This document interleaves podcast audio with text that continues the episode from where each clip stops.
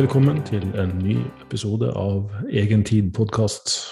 Mitt navn er Børge Fagerli.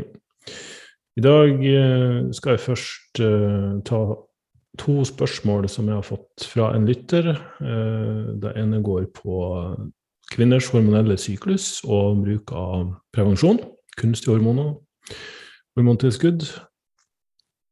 Det andre er rett og slett mobilitetstrening, oppvarming, spesifikk oppvarming for styrketrening. Eh, og til slutt så skal jeg snakke om, eh, i det filosofiske hjørnet, hvordan man håndterer konflikter. Eh, eller kritikk, for den saks skyld. Så eh, for å ta kvinners hormonelle syklus først Jeg har jo ganske nylig holdt foredrag på kvinnehelsekonferansen der jeg snakka om akkurat det her. Eh, det blir vanskelig å gå litt i dybden, i hvert fall når det gjelder prevensjonsmidler, fordi det finnes så mange forskjellige typer eh, p-piller og prevensjonsmidler, for den saks skyld. Eh, da man kanskje sånn helt overordna kan si for trygghet, er at systemiske hormoner, dvs. Si at ta piller med hormoner, kan for mange tulle veldig mye med den hormonelle syklusen og responsen på de p-pillene. Jeg vet mange som må bytte og får veldig mye hudproblemer og humørsvingninger og vannretensjon og alt mulig. Så, så, det er litt sånn når du begynner å tulle med kroppens naturlige hormonelle syklus, så, så blir det problemer. Eh, så man kan på mange måter si at lokale midler, dvs. Si en hormonspiral eller kobberspiral, vil være best for kroppen. Eh, men igjen, det er jo mange som syns det er ukomfortabelt også.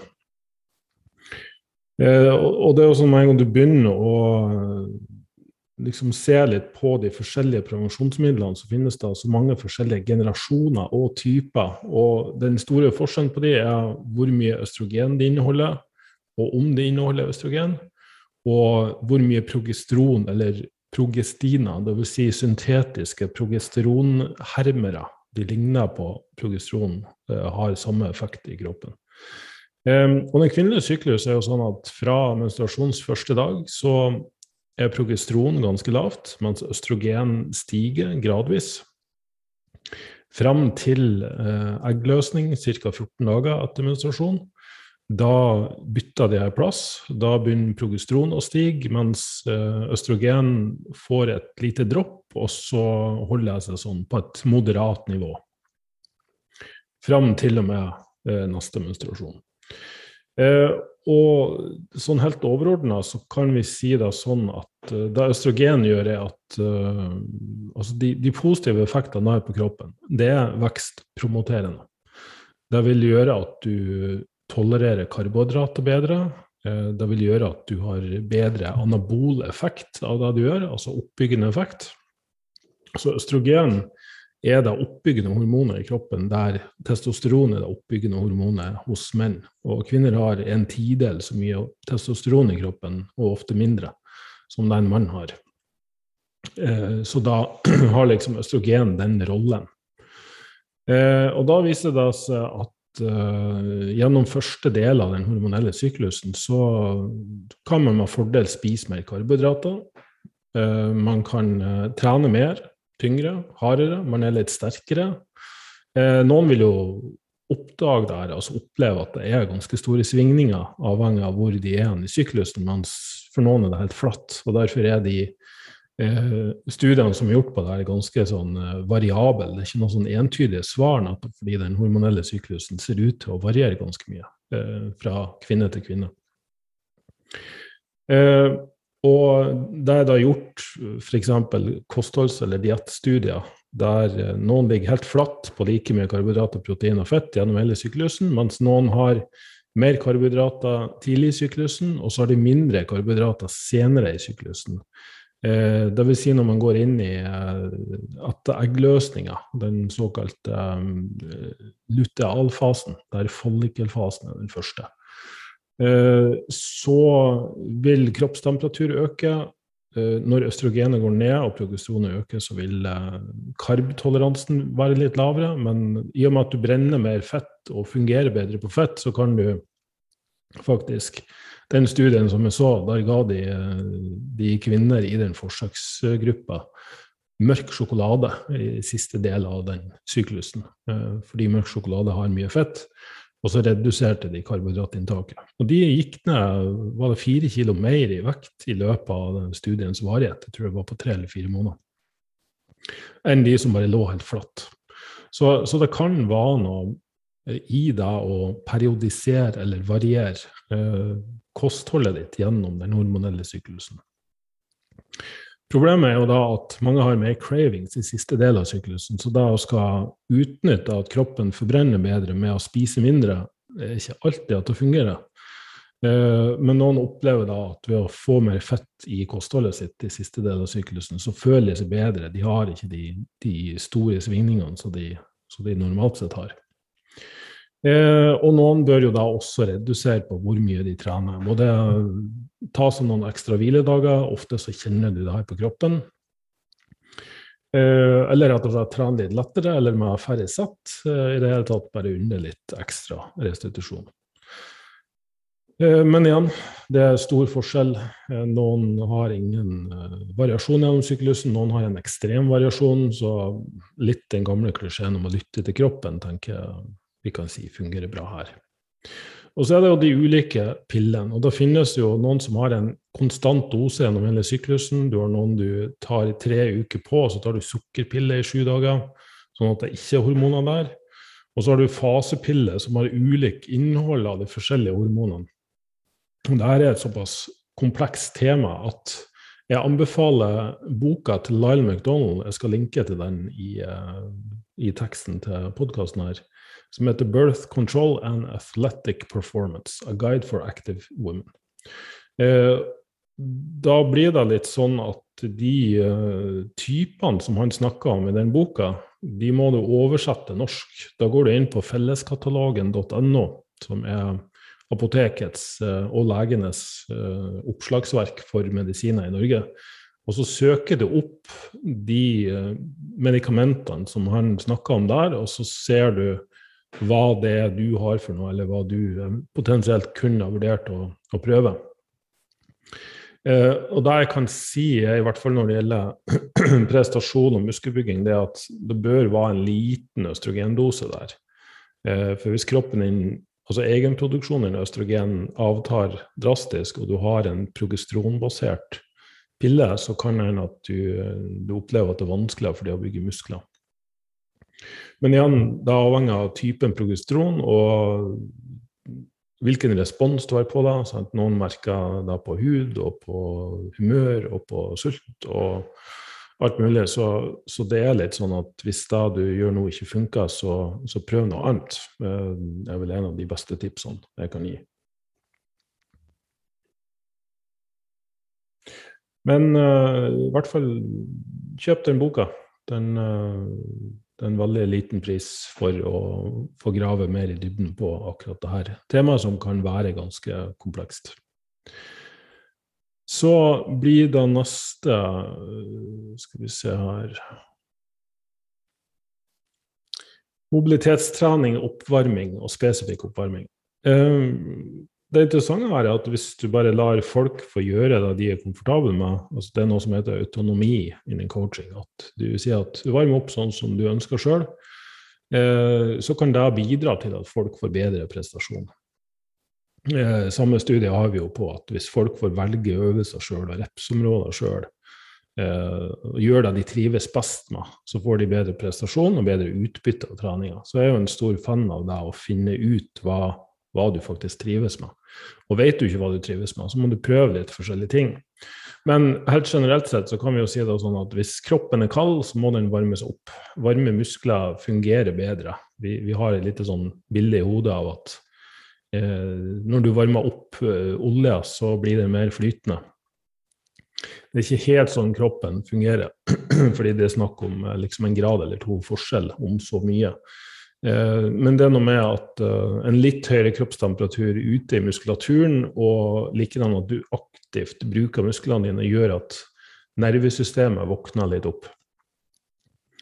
Eh, så hvis at det er vinter og det er kaldt, eller du generelt bare har vært så stillesittende at du er blitt veldig kald, så lønner det seg å gjøre et eller annet lett aktivitet på tre til fem minutter for å få opp den generelle kroppstemperaturen.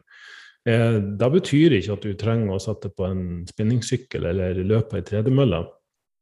Det kan like gjerne være at du gjør ulike sånn tøy- og bøyøvelser, mobilitetsøvelser, eh, i sakte tempo. Litt sånn yogaaktig. Jeg tror de fleste som har vært med på yoga, vet at det også får opp kroppstemperaturen. Så du trenger ikke å begynne å svette, du trenger ikke å bli andpusten.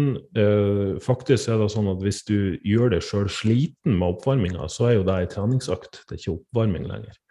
Så mange som liksom løper i en halvtime før de begynner å, å trene styrke, får ikke like mye utbytte. Det er noe som heter interferenseffekt. Hvis du trener mye kondisjon og prøver å kombinere det med eksplosivitet eller styrke, så kan det forstyrre hverandre. Eh, I hvert fall hvis du er veldig godt trent. De som er utrent, får jo effekt av all trening. Så Pluss at de klarer ikke å løfte like tungt eller løpe like fort og trene like hardt, så de vil ikke forstyrre hverandre like mye. Eh, men, men et eller annet som bare får opp kroppstemperaturen. Og jeg er jo en stor fan av å bare tøye og bøye litt, nettopp fordi det å ta musklene til eh, det fulle leddutslaget var, varsomt eh, er i seg sjøl nok til å få opp kroppstemperaturen, og samtidig bidra til at du øker mobiliteten. Så mobilitetstrening handler i stor grad om å bare bevege muskelen ut, eh, eller leddet ut i maksimalt leddutslag, og fortelle hjernen din at det er trygt å oppholde seg der. Eh, mange strekkskader oppstår rett og slett fordi eh, leddet, eller hjernen, er ikke vant til at leddet er ute i det leddutslaget. Og da slår det inn sånne refleksive mekanismer som strammer muskelen mot bevegelsen for å stoppe leddet i å gå så langt ut. Og når du da Det blir som å prøve å, å sant, Hvis du eh, skyver ut en båt, og så prøver du å holde igjen i tauet, så rykker det mye hardere enn om at det her foregår mykt og forsiktig. Det var ikke verdens beste metafor, akkurat. Men um, poenget er i hvert fall at det å um, trene en muskel, aktivere en muskel, stramme en muskel i uh, større leddutslag, gjør at du blir sterkere der ute, fordi styrketrening er såpass spesifikt. Og det gjør at hjernens farenivå senker seg. Dvs. Si at den opplever ikke det leddutslaget som utrygt. Eh, og dermed så vil mange av de refleksive mekanismene som skal beskytte det leddet, deaktivert. Sånn at du, du kan bevege deg tryggere ut dit og mykere ut dit. Eh, og Det er, det, det, er det mobilitetstrening går ut på. Eh, mange har sikkert hørt om spenn-tøy-metoden. F.eks.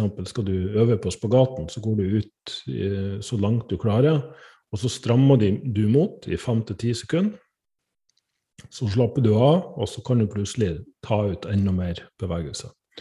Eh, og det er faktisk sånn at de fleste har både leddmobiliteten og muskelmobiliteten til å gå ut i en spagat. Eh, jeg skal ikke si de fleste, men jeg tror i hvert fall rundt 80% Noen har en leddstruktur, altså hoftebeinstruktur, som gjør at det er ikke noe de får tatt ut i det hele tatt. Det blir bein mot bein. Men for de aller fleste så er det bare uh, spenninga i muskelen, og den spenninga er regulert av nervesystemet ditt. Så hadde du fått en sånn spinalbedøvelse som har lamma underkroppen din, så kunne uh, lege eller sykesøster tatt beina dine helt ut i spagat uten noe problem. Uh, og vi ser jo barn. Hva er grunnen til at de er så myke? Det er jo fordi de beveger seg såpass mye som de gjør, og de har ennå ikke opplevd og erfart så mye skummelt og skremmende og eh, faretruende, sånn at eh, hjernen deres tillater leddene deres å få ut, eller musklene deres å få ut maksimalbevegelse. Så, så, det er sjelden sånn at eh, Altså, det er mange muskler som er umulig å tøye, så selv om du opplever at det strekker, så strekker du egentlig ikke. Det er bare nervebaner du drar i. muskelen i seg sjøl hadde du tatt den ut av kroppen, og den ikke hadde hatt elektrisk aktivering fra nervesystemet ditt, så kunne du ha strekt den ut til, dobbel lengde, liksom. Så, så, selve kjøttet, selve biffen, er strekkbart. Men i og med at det her er eh, det er nerver som står på, som er kontrollert av hjernen din og regulert av et eh, sanseapparat som, som, er refleksivt, opererer ut fra hva er trygt, hva er skummelt, eh, så, så, vil, så, vil, du ikke få lov til å ta ut mer eh, lengde av den muskelen enn det som oppleves som trygt. Så, så mobilitetstrening handler om å, å skape trygghet i den delen av bevegelsen. Bli vant til å oppholde seg der. Eh, jeg har tidligere, når jeg drev mye med kampsport i mine yngre dager, så trente jeg meg sjøl opp til å gå helt ut i sidespagat. Satt til og med med ett bein på, på, hver stol, litt sånn Jean-Claude van Damme. Den store, store helten back then. Um, og fikk en uh, kompis som het å sitte på ene sida Eh, av låret mitt, liksom. Han hang i løse lufta i spagat. Det holdt på å si, det var tider, det. Men uh, da var jo såpass stor belastning på bindevev og sene og ledd at uh, jeg den dag i dag går rundt og, og får, har mye som popping og smelling i leddene og ligamentene. Så det kan vel kanskje ikke anbefales for alle. I hvert fall var ikke min kropp klar til det. Men måten jeg kom dit på, det var rett og slett bare å gå så langt ut jeg klarte, stramme mot og holde, gå lenger ut, stramme mot og holde, og så gjenta det her tre ganger i uka. Man blir ganske stiv og støl, så du bør ha en dag eller to hvile mellom. Eh, men på den måten så, så fikk jeg liksom etter hvert, når jeg var varm nok og trente på det her Jeg klarte ikke det her uten oppvarming. Det var en kompis av meg som var ekstremt mobil. Han gjorde det uten oppvarming eller noen ting, og kunne gå ut i spagat. Jeg måtte liksom gjøre det via den styrkeveien, da, og styrke opp den delen av, av bevegelsen. Og klarte da å, å, gå ned i spagat. Samme prinsipp kan du gjøre hvis du har begrenset bevegelse i om det er skulderledd eller hva det er. Bevege det helt ut dit. Bygge styrke rett og slett i det ekstreme eh, leddutslaget. Ehm, så, så da var den mobilitetsdelen av det. Ehm, jeg vil ikke anbefale veldig mye mobilitetstrening før styrketrening. Rett og slett fordi det her deaktiverer eh, sanseapparatet, det refleksive, som faktisk bidrar til at du klarer å løfte vekter. Så det bør gjøres etter styrketrening. Så, men sånn generell tøy og bøy, myke bevegelser, etter du kjenner at du blir litt varm og god i kroppen, kan fint brukes som generell oppvarming før du begynner med, med styrketrening. Eh, statisk tøying også, det å stå og holde en, en, strekk veldig lenge, gjør at du blir mer komfortabel med å holde den strekken. Det er ikke nødvendigvis det som gir det beste utbyttet på mobilitet. Så mobilitet som du skal kunne bruke til noe, dvs. Si å, å løfte noe eller å bevege det ut i et leddutslag, da må du nødvendigvis gjøre det aktivt, altså med bevegelse. Så statisk tøying gjør egentlig veldig lite. Du blir bedre på statisk tøying, og that's it. Det har ikke noe effekt på, altså skadeforebyggende effekt eller noen ting. Men med en gang du tar den statiske tøyen ut der, og så strammer du muskelen mot, og gjerne beveger det litt fram og tilbake, da plutselig får du en effekt av det. Sånn at du, du forstår forskjellen på de to. Um, og så er det greit, sjøl om du da eh, har bare gjort vanlig dynamisk tøying, som en kaller det, altså bare, bare beveger det ut i de ledderslagene, så er det med at da må du òg fortelle nervesystemet at ok, nå skal vi løfte tungt. Nå skal vi utføre bestemte bevegelser. Noen er jo mer teknisk komplisert enn andre. sånn som En knebøy er mye mer teknisk komplisert for nervesystemet enn en uh, leg extension eller beinspark, der du bare sitter i en maskin og sparker ut beina. åpenbart er det jo da, logisk, intuitivt, er det sånn at da bør du også innarbeide den teknikken, øve på den teknikken, for å få mest mulig eh, styrke, eh, utbytte eller prestasjon når du skal utføre den. Så den spesifikke oppvarminga, da begynner du å trene på det løftet du skal, du skal ha i programmet ditt den dagen. Så la oss si at jeg har tenkt å trene knebøy, benkpress og uh, pullups, altså chins, i dag. Da begynner jeg på knebøyen. så tar jeg veldig lett vekt. Uh, pleier å starte på rundt 50% av arbeidsvekt. Altså hadde jeg tenkt å trene 100 kg, så starter jeg på 50. Eller så runder jeg av, så jeg tar en 20 kg på hver side av stanga, sånn at det er 60. Du kan starte på stanga også, hvis du syns det er greit, men problemet med det er at i hvert fall i knebøy så eh, forflytter tyngdepunktet seg ut fra hvor du har belastninga. Så du kan tenke deg sjøl når du har ei stang bak på nakken og legger på veldig mye vekt der, så blir tyngdepunktet annerledes enn når du står med bare ei 20 kg-stang på nakken. Det kan du kjenne sjøl. Så teknikken blir annerledes. Du får ikke noe teknisk utbytte av å trene med bare 20 kg. Eh, så, så, for min del så går jeg rett på ei vekt som jeg opplever som trygg og komfortabel, og, og der kan det være 60 kg. Det kan være 60 kg selv om du skal løfte 200 kg den dagen. Altså, det er ikke det jeg sier, men et greit sted å starte kan være rundt 50% av det du har tenkt å trene på i dag.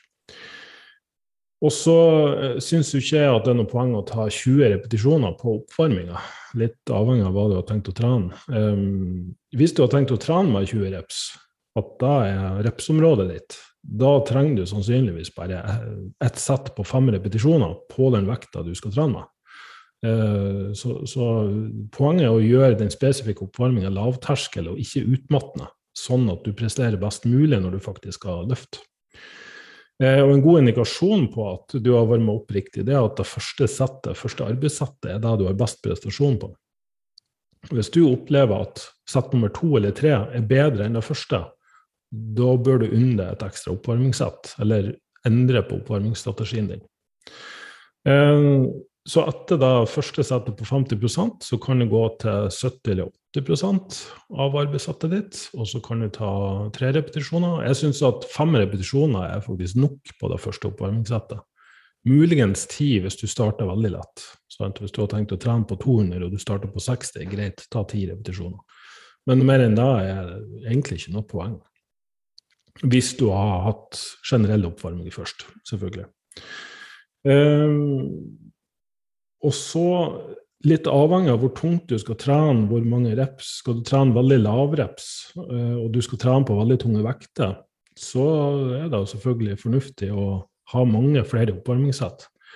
Er det noen som skal opp på 200 eller kanskje 300 kg og er styrkeløfter, så vil de i mange tilfeller ha fem og seks oppvarmingssett på vei opp dit.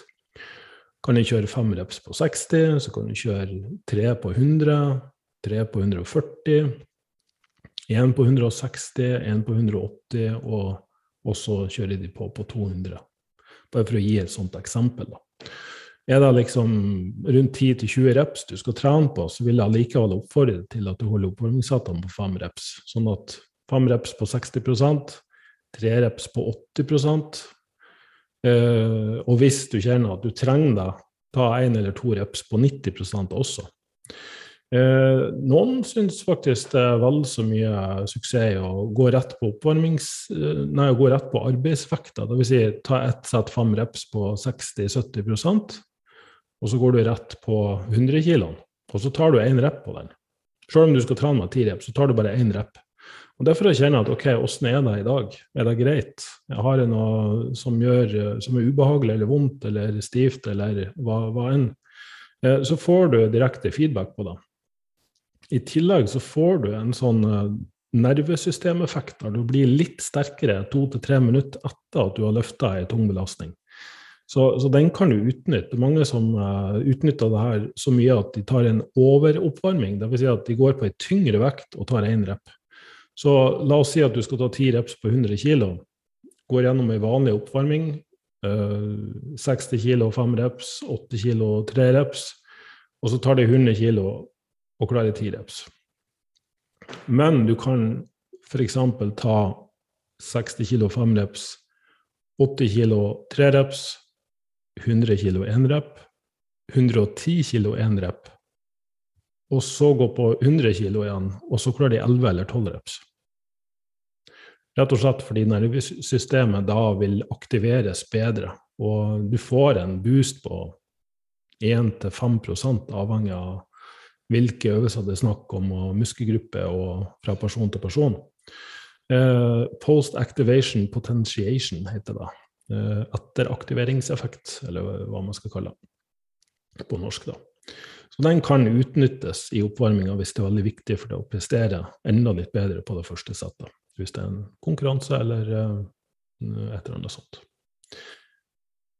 Uh, og så er det jo sånn at hvis du etter du har trent knebøyer og tenkt å trene utfall eller en eller annen beinøvelse som bruker mange av de samme musklene, så er det ikke sikkert at du trenger mer oppvarming. Da er du ganske greit oppvarme. Da vil mer oppvarming bare gjøre deg mer sliten. Men hvis det er en teknisk komplisert øvelse, så kan det hjelpe å ta uh, en lettere vekt og så to-tre repetisjoner bare for å se teknikken sitter og så går du på arbeidssettet. Husk å ha god nok pause mellom eh, fra det siste oppvarmingssettet og til det første arbeidssettet. Noen har bare ett minutt, og da har du faktisk dårligere prestasjon. Da har ikke oppvarmingssettet ditt noen god effekt. Men igjen, altså, den oppvarmingsdelen, da kan du gjerne ha kortere pauser, fordi det her koster deg så lite muskulært sett. Så fem reps på 60 kg når du skal trene ti reps på 100, det er jo ingenting, liksom. Uh, husk å skalere der ned. Altså hvis du skal trene på 20 kg, så vil 60% av deg være 10-12 kg. Sant? 50-60% er 10-12 kg. Det er oppvarmingsvekta di. Uh, og når du da skal bytte øvelse, sant? når du går fra knebøyen til, eh, til benkpressen, så må du nødvendigvis ha samme oppvarmingsstrategi på benkpressen. Og da, da, kan det høres ut som det blir fryktelig mye oppvarming, det her, og, og noen er frista til å bare suse gjennom den biten og gå rett på. Um, her, her, er litt fordeler og ulemper med begge deler. Uh, jeg husker en periode jeg var fryktelig mye sånn stiv og støl i kroppen og, og, trengte lang oppvarming for å i det hele tatt klare å trene dype knebøy. Jeg lå og rulla rundt på gulvet og tok tøy og bøy og massasjeruller og diverse aktiveringsøvelser og you name it, liksom. Og måtte i hvert fall ha tre-fire sett på knebøyen før jeg klarte å komme dypt nok. Og så ble jeg etter hvert bare litt sånn lei av det. Så, så, jeg tok eh, Jeg gikk litt mer sånn rett på.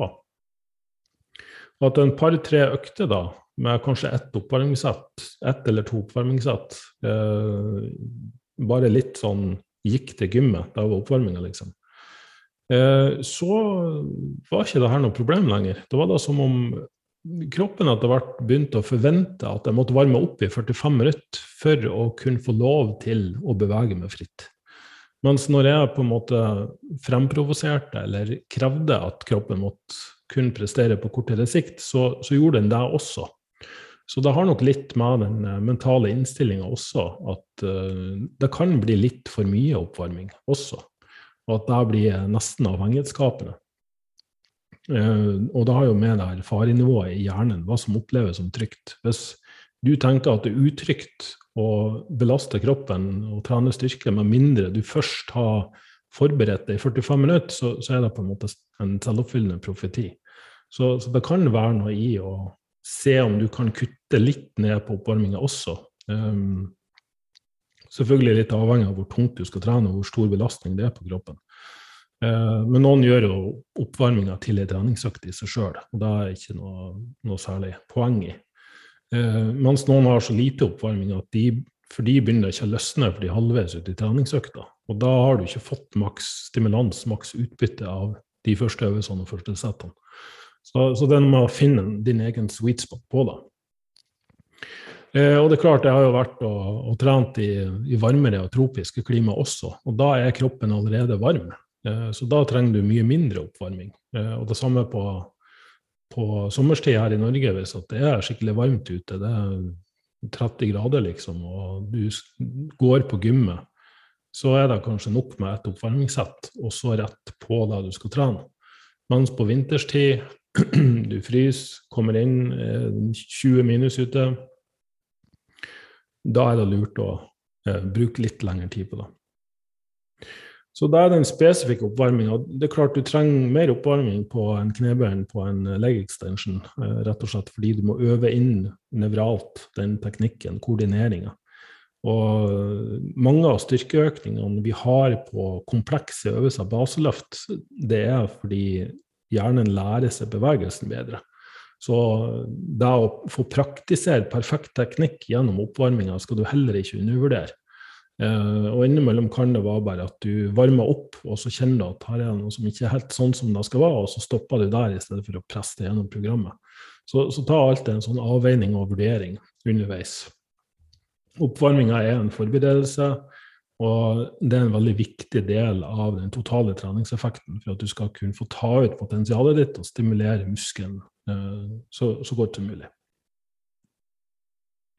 Så etter treningsøkta, hvorvidt du skal tøye ut og strekke ut eh, Hvis da du har trent i treningsøkta di, beveger leddet gjennom hele leddutslaget, så trenger du ikke å tøye ut enda mer. Det er ikke noe å hente på det. Det er ikke skadeforebyggende å strekke og rive i, i leddet og, og muskelen hvis øvelsen har gjort det.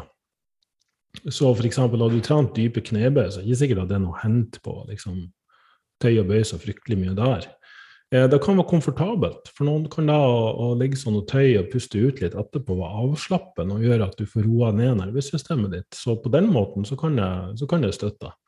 Og kanskje er det noen muskler som er litt ekstra ømme, at det, det, er godt og behagelig å, å, rulle litt. Ta en massasjerulle eller en ball og liksom bare ja, ta litt egenmassasje. Eh, så på den måten kan, kan jeg støtte. Men hvis du ikke har noen spesielle restriksjoner, hvis, hvis du kjenner at det river og sliter ordentlig med en gang du liksom kommer ut i, i altså Du har én meter mellom beina dine, og så, og så river det sånn på innsida av låret at du, du, tror at ballene skal ramle i gulvet. Så selvfølgelig, da kan det nok være lurt å prøve å jobbe litt med mobilitet. Det er skadeforebyggende.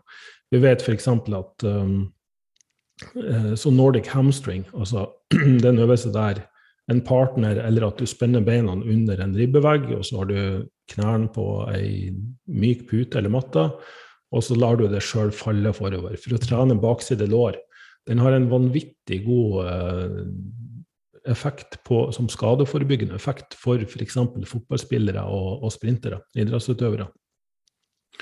Fordi du eksentrisk belaster. Eh, det er ikke så mye strekk du får i bakside da, skal jo sies. Eh, men, men det å, å liksom bruke muskelen aktivt gjennom det leddutslaget gjør at du kan uh, føle bedre beskytta under aktivitet, under idrett. Men, men det å liksom bare stå og liksom tøye bare for å tøye ikke, Jeg gjør ikke det. Jeg har én eller to muskler som er litt ekstra eh, begrensa, sånn som skuldrene mine, som jeg har hatt veldig mye skader. Så da kan jeg eh, ja, ta eh, ei hånd på hver sin steppkasse og så strekke meg mellom de to. Eller jeg kan holde i et dipsstativ og så bare la meg synke ned i den dipsposisjonen. Jeg løfter ikke opp beina, så det, det legger ikke hele kroppsvakta på, men bare for å få dratt ut akkurat de musklene som er ekstra sånn stram og, og tight. Så, så jobber man de områdene som er spesielt spent. Men det å bare tøye for å tøye jeg tenker Da kan være greit å bare komme seg hjem og få i seg litt mat. At det er litt bedre eh, som restitusjon. Så, så, det er ikke sånn at en muskel blir ikke stramma. Og, og, og, det er nesten som noen tenker seg at det er som du vasker en ullgenser når du har trent, og så skrumper den inn, og da må du strekke den ut igjen etter treningsøkta for at du ikke skal bli som en krøpling, liksom. Det er ikke sånn det fungerer i det tatt. Men hvis nervesystemet ditt anser det du har gjort på, på gymmet som veldig skummelt og som en trussel, så vil nervesystemet gå inn og regulere muskellengden sånn at du ikke får tatt ut like mye bevegelse. Så avspenningsøvelse, meditasjon, pusting, det kan ha en like god effekt på muskellengden som å stå og rive og slite den. Så, sånn at du bare forstår hvor, hvor det her begrensa lederslaget faktisk kommer fra. Det er sjelden strukturelt, det er som regel mentalt. Altså opplevelsen av eh, trusselbildet eh, fra, fra hjernen. Så, og det her er jo en mer moderne forståelse av smerte også, at mange som har ryggsmerter, det er ikke noe muskulært i veien med dem, det er ikke noe fysisk der. Det er rett og slett at hjernen opplever at det å bøye seg fremover er skummelt, fordi du har eh, skada det tidligere, for mange, mange år siden. eller fordi musklene der ikke er sterke nok. De, de anser ikke seg sjøl som kapabel til å, å holde oppe kroppsvekta di der. Det er derfor styrketrening virker så bra mot ryggsmerter som det gjør. Så du, du, skaper trygghet i de leddutslagene og de bevegelsene ved å bevege deg. That's it, liksom. Ok, eh, nok om det. Jeg føler jeg har snakka veldig mye om akkurat det her. Så jeg linker i hvert fall til den boka til Larry McDonald. Også når det gjelder mobilitet, bevegelse og oppvarming, så gjør litt hva du føler du trenger, uh, først og fremst. Uh, og ikke bruk altfor lang tid. Finn en liten sweet spot, eksperimenter det litt fram til deg når føler du at du er klar for å trene, rett og slett. Gå etter deg i stedet for ja, du må gå på tredemølla i ti minutter, og så må du gjøre ditten og datten x antall oppvarmingssett med prosenter og alt mulig. Sant? Da ble fryktelig med detaljer her, men eh, poenget er liksom bare å forberede kroppen. Og hvor lang tid du trenger på å forberede, kommer an på hvem du er, og hvor varm og kald du er, og eh, hvilket trusselbilde hjernen din har av kroppens bevegelse og, og sted i, i, i verden, rett og slett. Greit, da er vi klar til eh, det filosofiske hjørnet. Så da kan alle dere treningsentusiastene slå av og finne en annen podkast, eventuelt. Eh, men jeg tror kanskje det her er litt sånn nyttig og lærerikt. Eh, og det her er jo veldig nært og kjært for min egen del, det her med å håndtere kritikk, det å håndtere konflikt det er jo det her med å, å, oppleve at noen er uenig med det. Det kan jo treffe dypt i hjertet.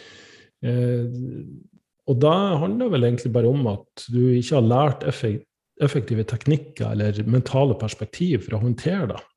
Så mange blir jo sånn dypt deprimert av at de blir kritisert. Og jeg har brukt uh, mange timer, og tusentalls timer sikkert, på å sitte og krangle på internett med folk som er uenige med meg, fordi jeg har ikke takla at folk har et annet synspunkt enn det jeg har.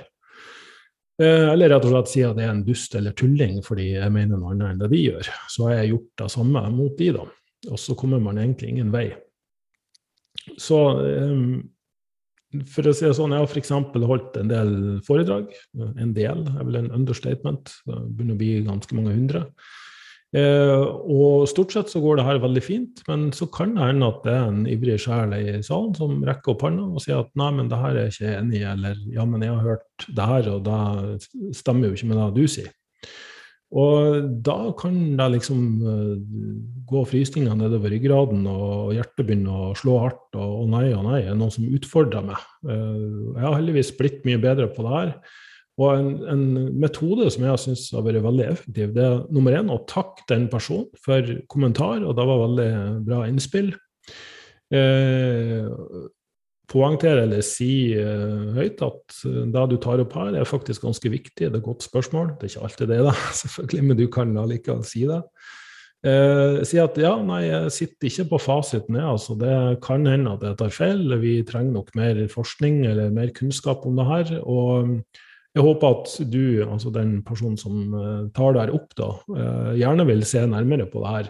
Uh, og kom gjerne fram til meg etter at foredraget er over, så, så, så tar vi og, og, deler litt synspunkter her. For jeg er veldig interessert i å høre hva mer du har lært eller hørt om det her. Og det er utrolig hvor godt det har fungert, heller enn der når det blir sånn aggressiv eller amper stemning. Det påvirker jo alle som sitter og hører på, og folk syns det er kleint og sånn. Så, så, heldigvis har jeg blitt litt bedre på det. Jeg skal ikke si at jeg er helt uh, skuddsikker ennå, men uh, det, det, er noe med å få den forståelse inn her som, som jeg skal ta litt for meg akkurat nå. Uh, for det første så må du innse at det, det er egentlig ikke andre mennesker eller kommentaren som gjør det opprørt uansett hvor ondskapsfulle eller hjerteløse eller grusomme de her kommentarene kan være eh, Og nå snakker jeg ikke bare om at noen er uenig med noe du sier i et foredrag, men rett og slett at noen sier at at du er sånn og sånn, eller eh, Altså, i bunn og grunn så har ingen mennesker eller kommentarer en kraft i seg sjøl.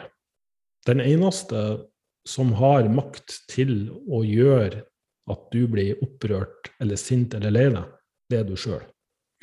Ok, nå, nå rister du sikkert på hodet og syns at det høres helt sånn teit ut. Men hvis, hvis, du forstår gangen i det hele, fordi det er en del prosesser som foregår her som vi egentlig ikke er så veldig bevisst. Vi antar at det personen sier, gjør at jeg blir lei meg eller opprørt eller sint. That's it. Men hvis du det, bryter det her opp i, i, mellomtrinn, i mellomsteg Først så må en uh, person si noe. Da vil trigge visse negative tanker i hodet ditt. Og den emosjonelle reaksjonen din den oppstår av de tankene som oppstår i hodet ditt, ikke direkte av det personen si. Så det er et mellomtrinn her som mange av oss ikke er klar over. Og eh, hvis du ikke har hørt på forrige podkastepisode, så um, oppfordrer jeg deg til å gå tilbake og høre på den. For det er noe med de automatiske tankene som oppstår, at vi ofte ikke er bevisst at vi føler tankene våre. Det, det er tankene vi føler, det er ikke virkeligheten vi føler. Det vil alltid være noen tanker imellom det en person sier, og, og det vi føler. Og ofte så føler vi ting og tror at denne følelsen har vi bare i kroppen, men det er som regel en konsekvens av en del tanker som har eh, foregått først. Så da begynner å bli bevisst de tankene, er clouet her. Det er nøkkelen til å, å, få det her til å altså Da skape avstand mellom trigger og reaksjon. Da er nøkkelen til å få det her til å roe seg litt. Så, eh, og de, de, tankene som opprører deg, som gjør altså De negative tankene som oppstår automatisk i hodet ditt når du får kritikk, de inneholder ofte de samme typene mentale feil som, eh, som er beskrevet i forrige podkastepisode. Så igjen, gå og hør på den hvis du ikke har gjort det. Men det er de typiske. Du overgeneraliserer, du eh, sant, gjør ulike slutninger som ikke nødvendigvis er riktige hvis du hadde tatt og skrevet det her ut på et papir og analysert det rent sånn nøytralt. Det er da at du tar eierskap til de tankene og, og, tenker på det her som noe som angår det, som gjør at, altså at du identifiserer det sjøl med de, eh, som gjør at du får den sterke reaksjonen i kroppen din som, som du får.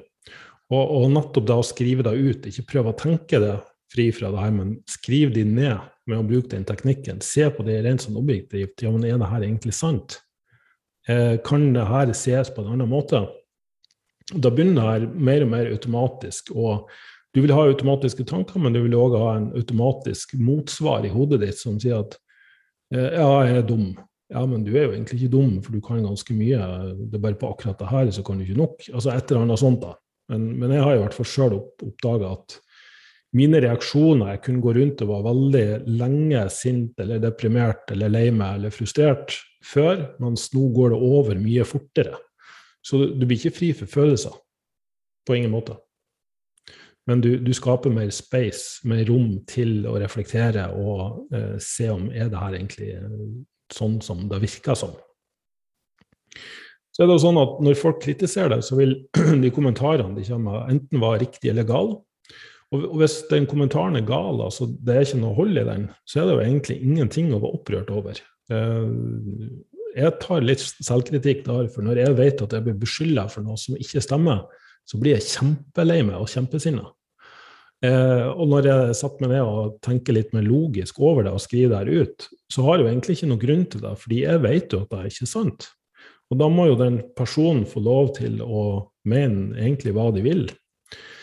Eh, så, så, mange blir liksom så veldig sinte og opprørt, og spesielt når det er noe som står det nær. Altså Jeg bryr meg ikke om at det kommer en vilt fremmed person til meg og sier at 'hei, du er dum', eh, fordi jeg vet jo at jeg er ikke dum.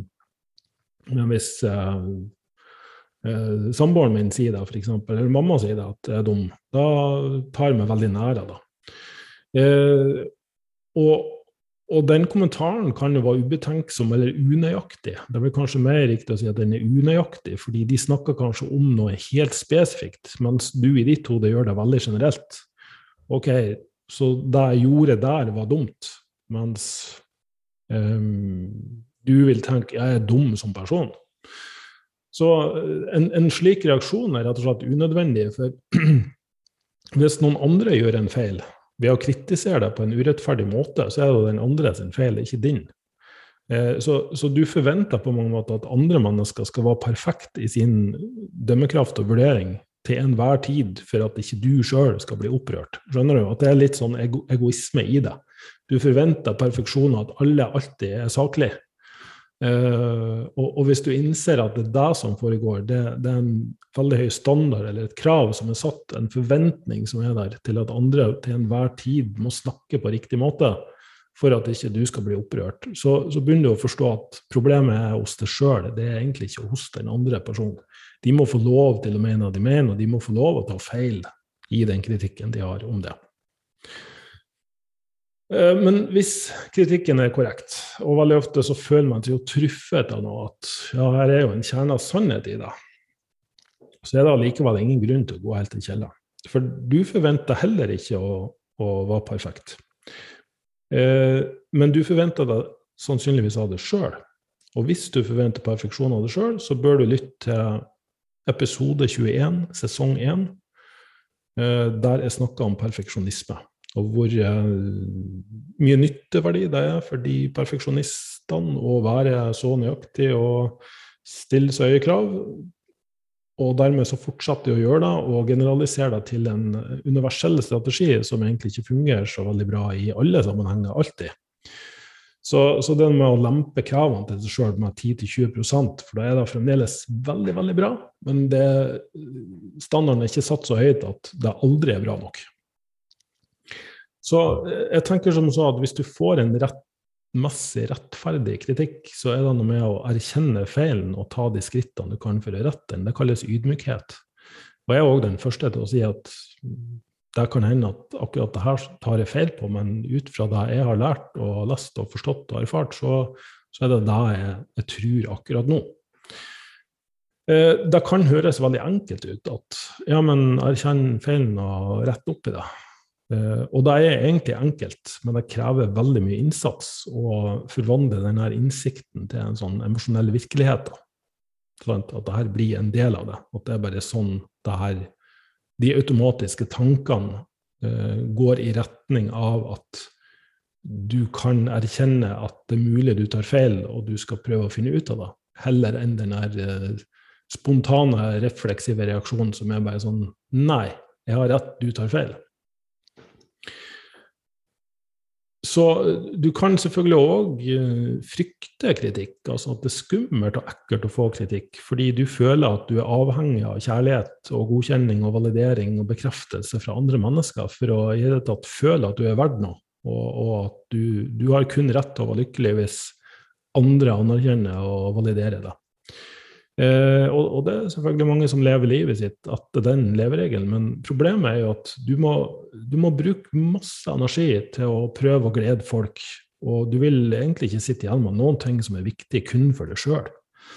Eh, alt handler om at andre må synes at du er pen og flink og, og, og gjør alt riktig, og da har det egentlig ingenting å si hva du sjøl syns. Og jeg har jo snakka tidligere om det her med å ha verdisystem og styre livet sitt, at det er gode verdier. Eh, og når noe kommer i konflikt med de indre verdiene dine, så vil det oppstå veldig mye reaksjon i det sjøl. Og det er da du kommer til å møte på. Hvis du skal prøve å leve etter andres verdisystem, så vil det alltid, eller det vil ikke alltid, men veldig ofte treffe på et verdisystem som er mye viktigere for deg, eller en verdi som er viktigere for det. Og da må du undertrykke og, og tvinge bort, presse bort den emosjonelle reaksjonen som oppstår.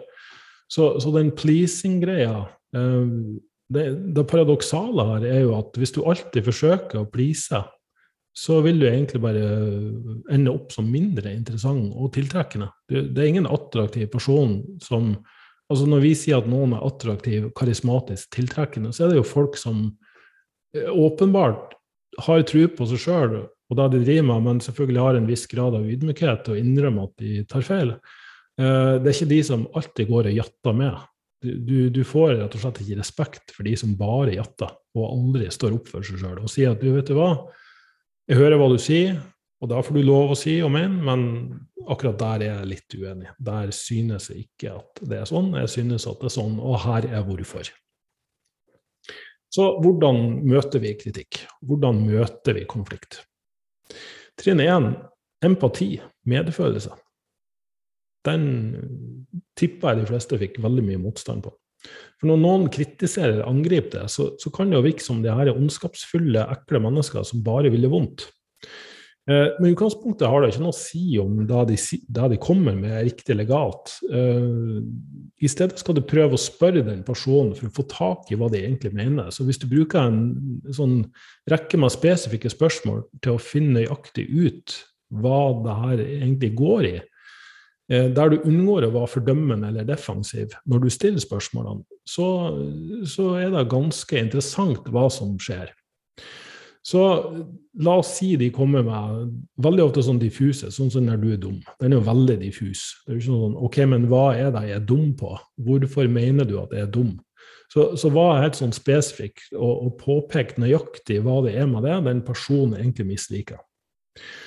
For når du får kritikk som er riktig, så vil du jo da finne spesifikke, konkrete problemer som du kan håndtere, men da må du ha informasjon først. Så ved, ved å lytte til kritikeren for å forstå så vil det nedregulere sinne og fiendtlighet og, og pense hele situasjonen over på en mer løsningsorientering i stedet for hvem som har skylda eller debatt fram og tilbake.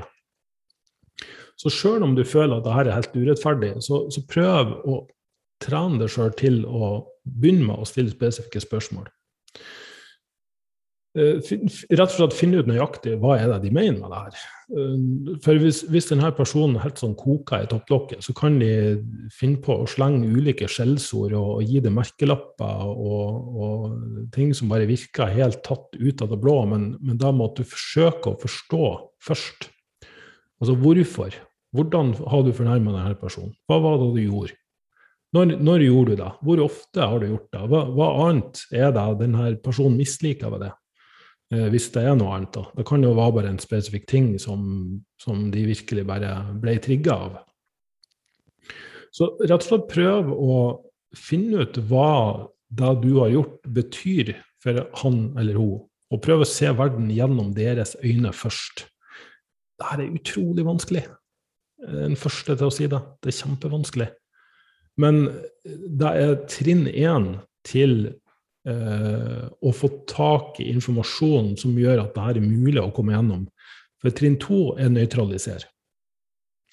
Og på trinn to så har vi tre valg. Du kan angripe tilbake.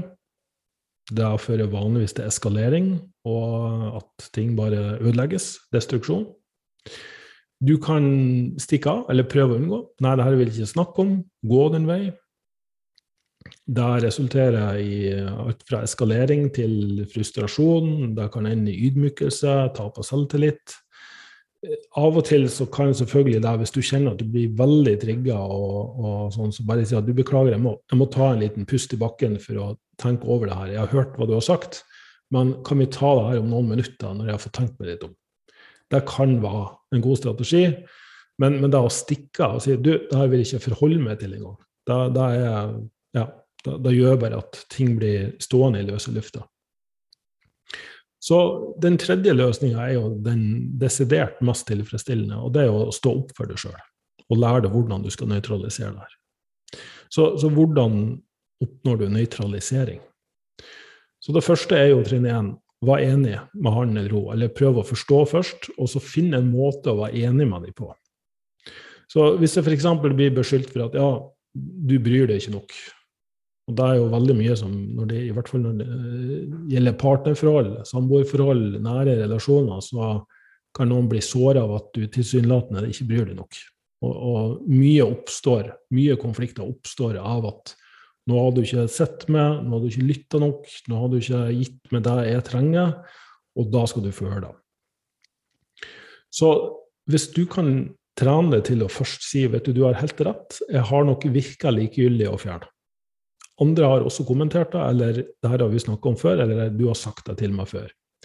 Jeg hadde ingen intensjon om å såre følelsene dine. Eh, det har bare vært litt for mye for meg en periode, og jeg skal gjøre så godt jeg kan for å få det unnagjort før vi ses eller møtes neste gang, eller til i morgen, eller til helga, eller til det blir ferie, sånn at jeg kan gi det mer oppmerksomhet. Eh, og ikke sant, Nå var det her litt sånn lange regler, det var bare noe jeg skrev litt sånn i farta, men, men det er en måte du kan møte deg på. Det er sånn Rett og slett prøv å deeskalere situasjonen. Altså få, få følelsene ned. Og da, da får du bare anerkjenne kritikken. Var enig med et eller annet i kritikken, selv om du ikke er enig i alt.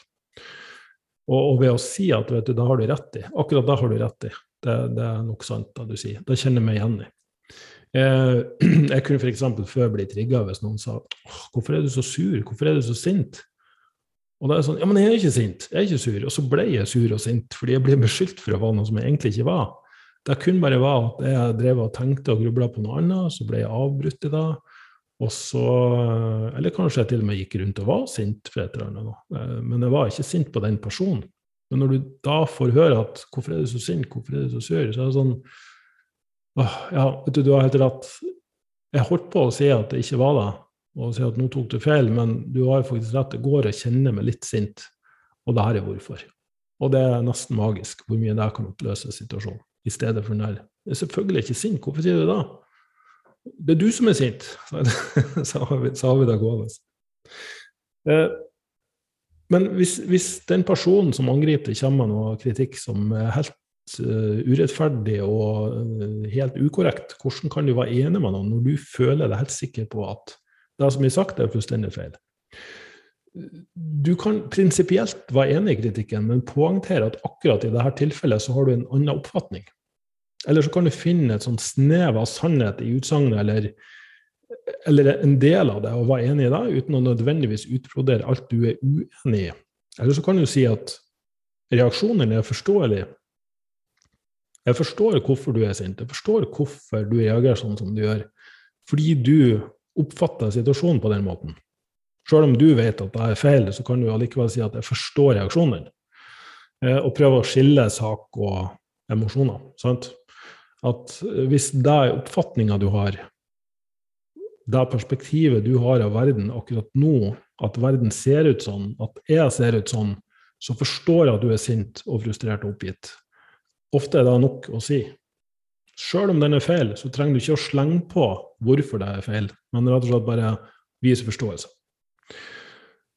Og du vil ha en sånn uimotståelig tendens til å prøve å forsvare deg sjøl når du blir urettmessig anklaga for noe. Men hvis du gir etter for tendensen, så vil intensiteten på angrepet bare øke. Og Det er jo et sånn psykologisk prinsipp som sier at hvis du begynner å argumentere med en person som bare er delvis overbevist om noe, så vil de bli enda mer overbevist bare for å kunne være uenig med det. Og det gjør det ikke for å være ondskapsfull, men det er noe med at blir du utfordra på noe som du er halvveis sikker på, så vil du internt overbevise deg sjøl om at dette er helt riktig, nettopp fordi du har fått kritikk for det. Og det her ser vi i så mange forskjellige sammenhenger at det, det er nesten ikke morsomt lenger. Men hvis du reagerer med forståelse og nøytraliserer fiendtligheten til den personen, de føler at du både lytter og respekterer, så, så går lufta ut. Da, da, har det egentlig ikke noe grunn til å være sint. Ja, kanskje de fortsetter, men eh, mye av futten vil gå ut, og ting vil rose nok til at du kan gå til trinn tre, som er tilbakemelding og forhandling. Så til å begynne med så vil du jo oppdage at til tross for at du har eh, stor vilje til å lære deg til å håndtere konflikter bedre, så blir du fanga av følelsene og gamle programmer og atferdsmønster. Du vil krangle og argumentere og forsvare deg sjøl og bli sur og alt det her.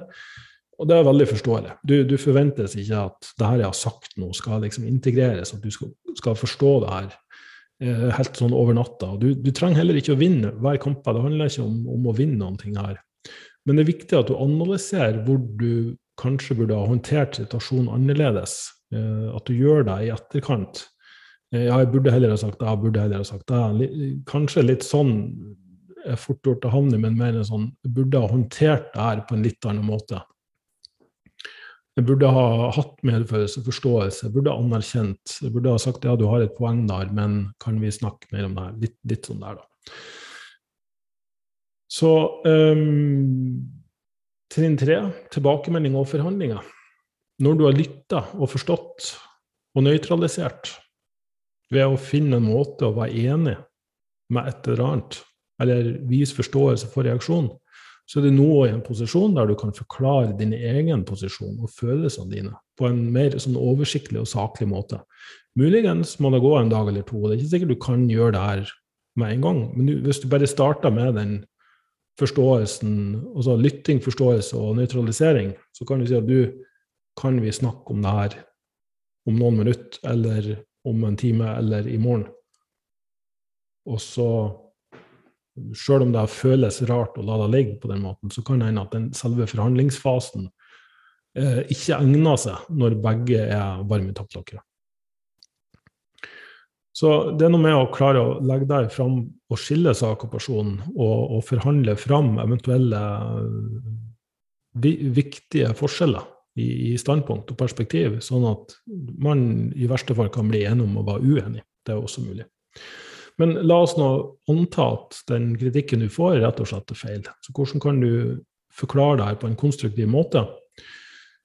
Da kan du si, sånn som jeg sa i stad, at legg fram ditt eget synspunkt helt objektivt, eh, og si at det er mulig du tar feil.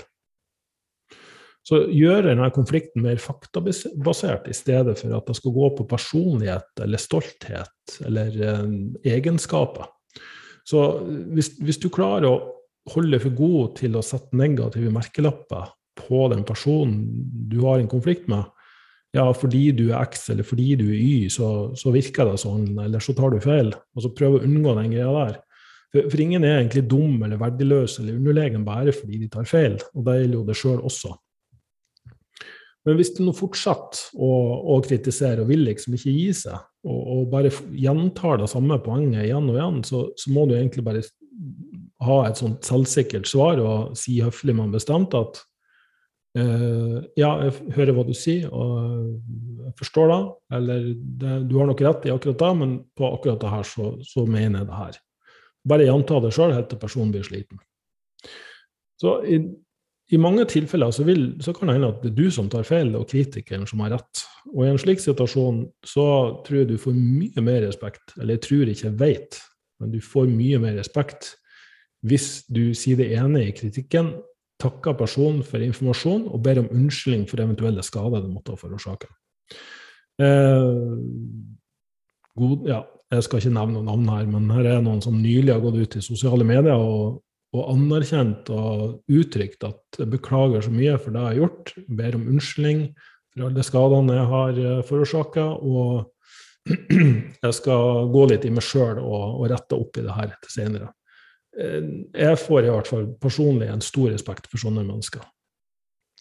Og jeg har opplevd sjøl å få mye større respekt i de tilfellene og sagt at vet du hva, du har helt rett. Jeg, jeg legger meg flatt. Det, det, jeg burde ikke gjort det, eller jeg burde ikke sagt det, og akkurat på det her så har jeg tatt feil, og du har, du har rett.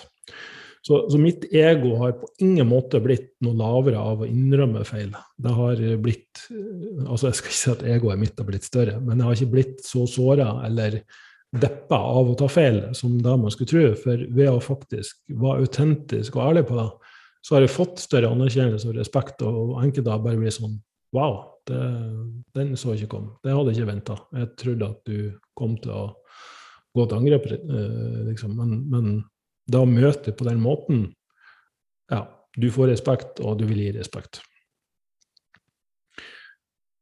Så du, altså, du har rett til å forsvare deg. Du, du, har rett til å møte kritikk og, med å bli sint. Og, og, du velger når du vil. Noen, noen, ganger så føles det bare mye mer å være sint på en andre person.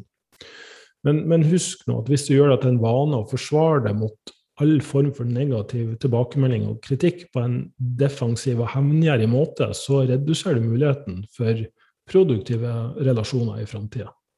Så, så, det sinte utbruddet kan føles bra der og da, men du brenner mange bruer og skaper sånn helt uopprettelig inntrykk av deg sjøl. Så, så, den langsiktige skaden er mye større enn den kortsiktige gevinsten det er å føle at du har vunnet. Og, og du har òg eliminert sjansen til å lære hva en annen person prøvde å formidle. Og du har eliminert sjansen til å forstå andre menneskers perspektiv på ting. Altså jeg, har, jeg kjenner flere som lever livet sitt ut fra kun sitt eget perspektiv, og kan ikke begripe at andre tenker annerledes. De, de vil ikke forholde seg til det engang. Og da blir du stående fast som menneske. Du vil ikke vokse eller utvikle deg. Du, du vil aldri få tilbakemeldinger, konstruktiv kritikk kalles det av en grunn, på, på, noe du har vært tjent med å korrigere eller endre på. Så jeg er den største fan av utvikling, læring. Eh, jeg tror ikke vi er her for å bare være sånn. Så det er noe som faktisk kan trigge med det når folk sier at ja, men jeg, jeg bare er sånn. Eh, for både forskning og erfaring tilsier at alle kan endre seg. Eh, vi har selvfølgelig noen ting som er medfødt. Det er ikke sånn at hvis, hvis du um, er født uten ører, så, så, er det mulig å lære seg litt. skjønner du? Altså, hvis du har en medfødt begrensning, så er det ingen som forventer at det skal kunne endres på. Men egenskaper, reaksjonsmønster, tankemønster, håndteringsmekanismer, det kan endres på. Og det er de som lever ut fra den verdien, som oppnår mest her i livet. Det er jeg helt overbevist om. Da eh, føler jeg at vi har fått runda gamet for denne gang. Um, takker igjen så mye for at du hørte på. Håper du har fått noe ut av det her. Uh, og ønsker deg en fortsatt Nå spiller jeg det her inn, og da er det skjær torsdag. Så da de som hører på det her i dag eller i morgen, håper dere får en fortsatt strålende påske. Og eh, at du fortsetter å høre på podkasten min, og gjerne sende meg tilbakemeldinger hvis det er noe du syns jeg skal snakke mer eller mindre om. Tusen takk.